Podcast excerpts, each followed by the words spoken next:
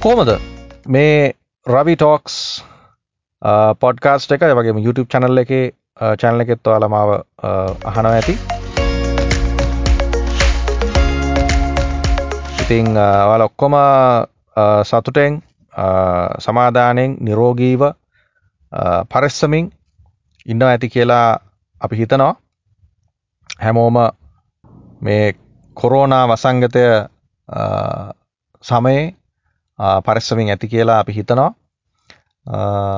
විනාඩි කීපයක පොඩි සෙජ්මන්ට් එකක් කරන්න මම මේ අද මේ උත්සාහ දරන්නේ. ඉතා සුළු කාරණයක් මතක් කරන්න කියලා.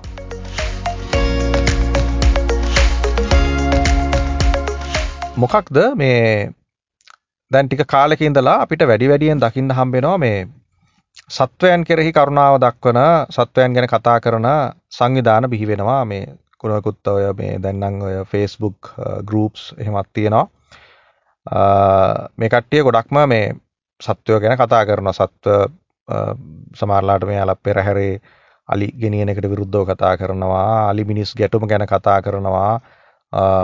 සුනකයන්ට මේ අපේ සුරතල් මේ බල්ලන්ට පූසන්ට කරුණාව දක්වන්න ඕන ගැන කතා කරනවා. ඉතින් ඒක ඉතාමත්ම හොඳයි. ඉතින් ඒ කට්ටිය වගේම අසරණ මිනිස්සු කෙරෙහිත් කරුණාව දක්වනවා ඇති කියලා අපි හිතනවා. ඉතින් මොකද මේ කරුණාව කියන එක සත්ව මිනිස් ඔක්කොටම පොදු දෙයක්. ඒක එහෙම කරනවා ඇති අනිවාර්යෙන්ම. ඉතින් එහෙම සිතුවිල්ලක් ඇති කරගෙන මිනිස්සුන් සහ සත්වයන් දෙගොල්ලම කෙරෙහි කරුණාව මෛත්‍රය ඇති කරගන්න හැමෝම ගැන අපි සතුටු වෙනවා ඒ වගේම ඒ කට්ටිය වැඩි වැඩියෙන් ඒ විදිහට කටයුතු කරයි දිගටම කටයුතු කරයි කියලා අපි බලාපොරොත්තු වෙනවා. ලාංකිකයෝ වශයෙන්.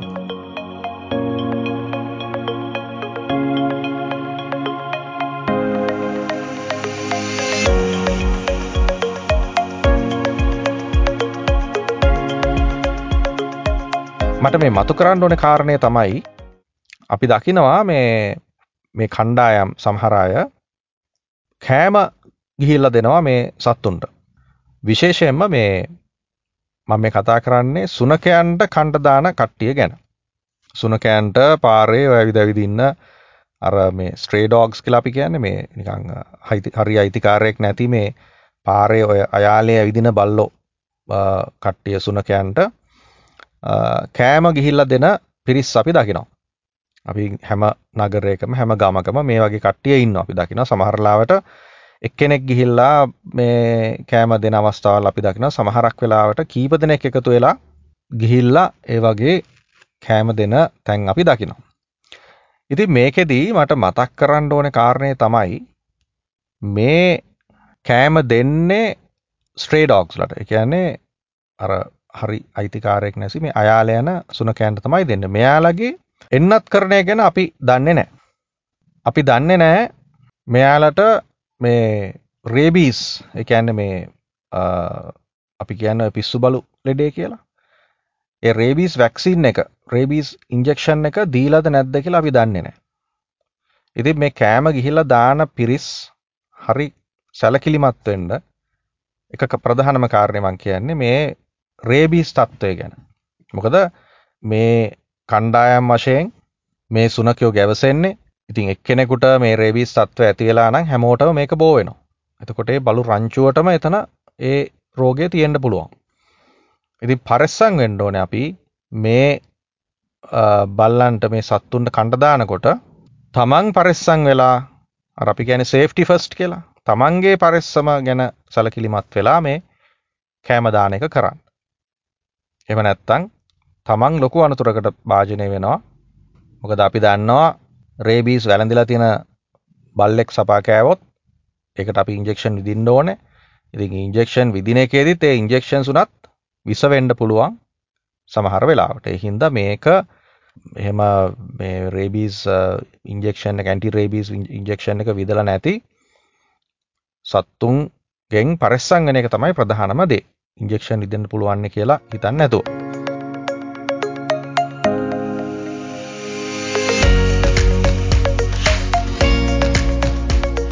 ඊළඟ කාරණයක් තමයි මට කියන්න අවශ්‍ය වෙන මේ කෑම ගිහිල්ලා දාන්නේ ගොඩක් වෙලාවට ප්‍රසිද්ධ ස්ථානවල. කවුරුත් තමන්ගේ ගේට්ටුව ළඟ මේ කෑම දාන්නේ නැහැ. ඒක මම දකිනවා එක පැත්තකින් සත්වයන් කෙරෙහි කරුණාව දක්වනවා වගේම එක්තරා විදිහක ආත්මාර්ථකාමීකමක් කියලා. මොකද මෙයාලා ගිහිල්ලා මේ ප්‍රසිද්ධ ස්ථානවල තමයි මේ කෑම දෙන එක කරන්නේ. තමන්ගේ ගෙදර ළඟ කෑම දානවා නම් ගෙදර ළඟට බල්ලෝ රංචුව එකතු වෙනවා. ඒ කරලා ඒ කෑම ටික කනවා. නමුත් ටික දවසක් මෙහෙම මෙහෙම කෑම දානකොට එකම තැනකට මොකද වෙන්නේ? નિરાයාසයෙන් මේ සත්තු ටික ඔක්කොම රංචුවක්ම එතන එකතු වෙනවා. මම දැන් එහෙම තැන් කීපයක්ම මම මේ පදිංචි පළාතේ මම දැකලා තියෙනවා. මම දැකලා තියෙනවා එහෙම නිතර නිතර කෑම දාන තැන්වල වෙන වෙනම බලු සංගම් ඇති වෙනවා. බල්ලෝ එතන සංවිධානය වෙලා එතන රංචුව විදිහට ඉන්නවා. ඉතින් එතකොට මොකද වෙන්නේ? ඒ ඒ ප්‍රසිද්ධ තැන සමහරලාට එතන ගෙදරක් තියෙන්න පුළුවන්. එතන ව්‍යාපාරයක් තියෙන්න පුළුවන්. එතන කවුරු හරි එක බස් හෝල්ට් එකක් වෙන්න පුළුවන්. එහෙම නැත්නම් ගොඩක් වෙලාවට ඒකේ මොකක් හරි හන්දියක් වෙන්න පුළුවන්. සාමාන්‍ය පොදු ස්ථානයක්. එතකොට මේ තැන්වල බස් ස්ටෑන්ඩ් එකක් හරි මොකක් හරි ඒ වගේ ප්‍රසිද්ධ ස්ථානයකනේ මේ කට්ටිය මේ කෑම දාන්නේ. එතකොට ඒ ප්‍රසිද්ධ ස්ථානවල නැත්තම් කාගේ හරි ගෙයක් ඉස්සරහා නැත්තම් කාගේ හරි කඩයක් ඉස්සරහා මොකක් හරි ගේට්ටුවක් ඉස්සරහා මේ බල්ලෝ නිතරම ගැවසෙන්න පටන් ගන්නවා මේ කෑම Tamanට ලැබෙන තැනාවට. දැන් එතකොට එතන පදිංචි මිනිස්සුන්ට මොකද වෙන්නේ කියලා අපි හිතුවද? බල්ලන්ට කණ්ඩ දැම්මට කමක් නැහැ. ඒක හොඳයි. ඒක ආත්මාර්ථකාමීව කරන්න හොඳ නැහැ කියන එකයි මම මේ කියන්නේ. සමහරලාට පිං සලකාගෙන වෙන්න පුළුවන්. එහෙම නැත්නම් සමහරලාට ඔය ඔය මේ අපල උපද්‍රව තියෙන කට්ටියටත් කියනවානේ බල්ලන්ට එහෙම කණ්ඩ දාන්න සත්තුන්ට කණ්ඩ දෙන්න කියලා. දැන් ඒ උදෙසා වෙන්නත් පුළුවන්. දැන් එහෙම වුණොත් මේක වඩාත් ආර්ථකාමී වැඩක් වෙනවා. මොකද තමන්ගේ සුභසිද්ධිය තකා අනිත් මිනිස්සු ගැන හිතන්නේ නැතුව යම් කටයුත්තක් කරනවා. ඒක ආත්මාර්ථකාමීකමක්නේ. සත්තුන්ට කණ්ඩ දාන එක හොඳයි මම මේ නැවත නැවතත් කියනවා. නමුත් ඒකේ ඒකෙදි හිතන්න ඕනේ තමන් ඒ කරන දේ නිසා තව තැනක බල්ලන් ගැවසීම වැඩි වෙනවා නම් තව කෙනෙක්ගේ පෞද්ගලික තැනක් ස්ථානයක් ළඟ ඒ මනුස්සයාට මොකක්ද ළඟට ඒක ඇති වෙන තත්ත්වය. ඒ මිනිස්සු ඒ මනුස්සයාට මේ ගොඩක් ලාට මේ සත්තුන්ට ඉන්ජෙක්ෂන්ස් ගහලා නැහැ. ඒතර ඒ මනුස්සයාගේ ළමයි පාරට බහින්න බෑ. ළමයි බස් එකෙන් බහින්න බෑ. යන්න එන්න බෑ. එතන බල්ලෝ හපා ගන්න බලනවා. ඉතින් එතන ලොකු ප්‍රශ්නයක් වෙනවා එතෙන්ට. ඉතින් ඒ හින්දා ඒකට තමන් කොහෙද කණ්ඩ දාන්නේ ජනශූන්‍ය තැනක වගේ තැනක මේ වැඩේ කරනවා නම් ඉතාමත්ම හොඳයි. ඒ දෙවනි කාරණය මම යෝජනා කරන්නේ.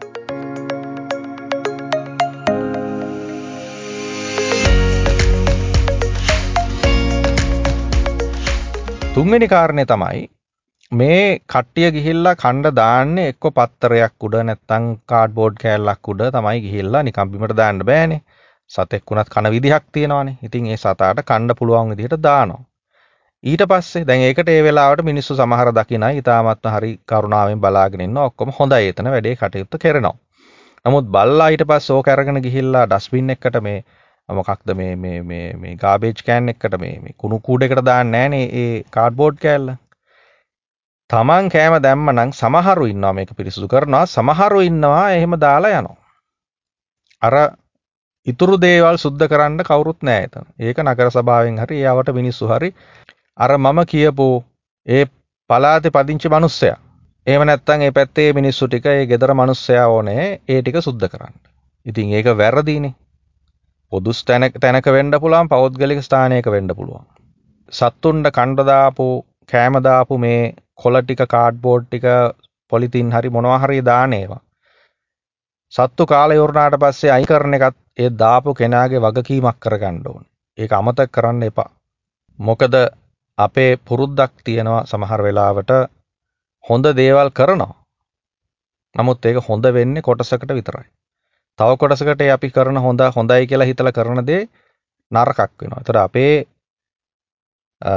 කල්පනාව තියෙන්න ඕනේ. තමා අපේ පොඩ්ඩක් සිහි කල්පනාව තියෙන්න ඕනේ. කල්පනා කරන්න ඕනේ ටිකක් තමන් යමක් කරනකොට තව පිරිසකට ඒක නරකක් වෙනවද කියලා.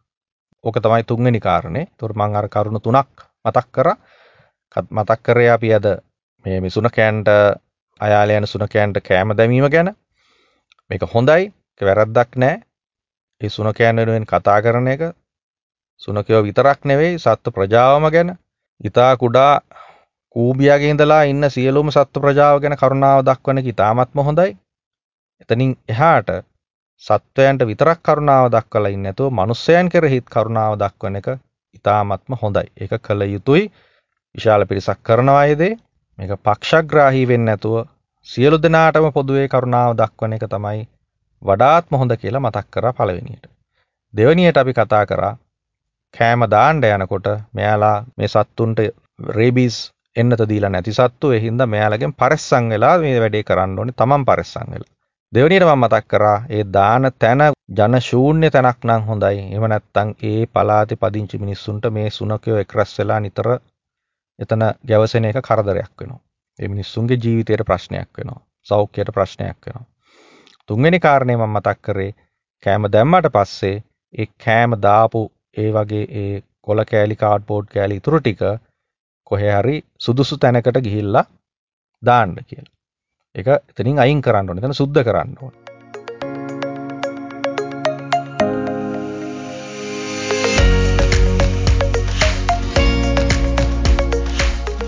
ඉතින් තව යෝජනාවක් මම කරන්න කැමතියි. මේ සුනකයෝ ගැන ගොඩාක් කතා කරන උදවියට මම දැක්කා එක තැනක තියෙනවා මේ සුනකයෝ වෙනුවෙන් ඇති කරලා තියෙන තැනක්. එතන ඒ කට්ටිය එකතු වෙලා ඒ අයාල යන බල්ලෝ එකතු කරලා එයාලට අර සැංචුවර් එකක් කියලා අපි කියන්නේ නිකන් අබය භූමියක් වගේ එකක් ඇති කරලා ටිකක් ලොකු ඉඩමක එයාලව කොටු කරලා අනිත් මිනිස්සුන්ට වටේ අයට කරදරයක් නොවන විදිහට ඒ සුනකයන්ට කරදරයකුත් නොවන විදිහට ඉන්න සලස්සලා තියෙනවා. ඉතින් ඒක ඉතාමත්ම හොඳ දෙයක්. ඒතර පරිසරයට මිනිස්සුන්ට අනිත් අයට කරදරයකුත් නැහැ, සුනකයන්ට නරකකුත් නැහැ. අන්න ඒක මම හිතනවා ඉතාමත්ම හොඳ සංකල්පයක්. ඉතින් ඒක Tamanට පුළුවන් නම් කරන්න රජයේ අනුග්‍රහය අරගෙන හරි සමහරලාට ඔය රජයේ ඉඩම් තියෙනවා අපි පදිංචි පළාත් කිට්ටුව වෙන යන වෙන යම් කටයුත්තකට යොදා ගන්න නැති ඉඩම් ඒ රජය හරහා ඒ කට්ටියගේ මේ ඒ කියන්නේ මේ පාලන අධිකාරිය හරහා ඒ ඉඩම මේ අර බදු ගන්නවා වගේ වෙන් කරගන්න පුළුවන්. ඉතින් Tamanට ඇත්තටම ලොකු කැක්කුමක් තියෙනවා නම් ඔය තැන් තැන්වල ගිහිල්ලා කෑම දාන වෙලාවේ එහෙම තැනක් ඇති කරන්න පුළුවන් නම් Taman පදිංචි පළාතේ අර අයාලේ ඉන්න බල්ලෝ බලු පැටවෝ ඒ පාර දිගේ ඇවිදින කට්ටිය ඔක්කොම ගිහිල්ලා එතෙන්ට දාලා එතන Tamanගේ සංගමය හරි Tamanගේ එකමුතුව කට්ටිය එකතු වෙලා යම් ලොකු වැඩක් කරන්න පුළුවන් යම් කාලයක් පවතින නියම වැඩක්. ඉතින් මේකම යෝජනාවක්. මේකත් හිතලා බලන්න. ඒ වගේ මං හැමදාම වගේම අදත් මතක් කරනවා. මේ පොඩ්කාස්ට් එක අහන්ඩ මගේ අනිත් එපිසෝඩ්ස් ටිකක් තියෙනවා ගොඩක් මම අපි ගැන කතා කරපු සමාජය ගැන අපේ රට ගැන කතා කරපු. ඒ වහන්ඩ YouTube චැනල් එක බලන්ඩ ෆලෝ කරන්න සබස්ක්‍රයිබ් කරන්න.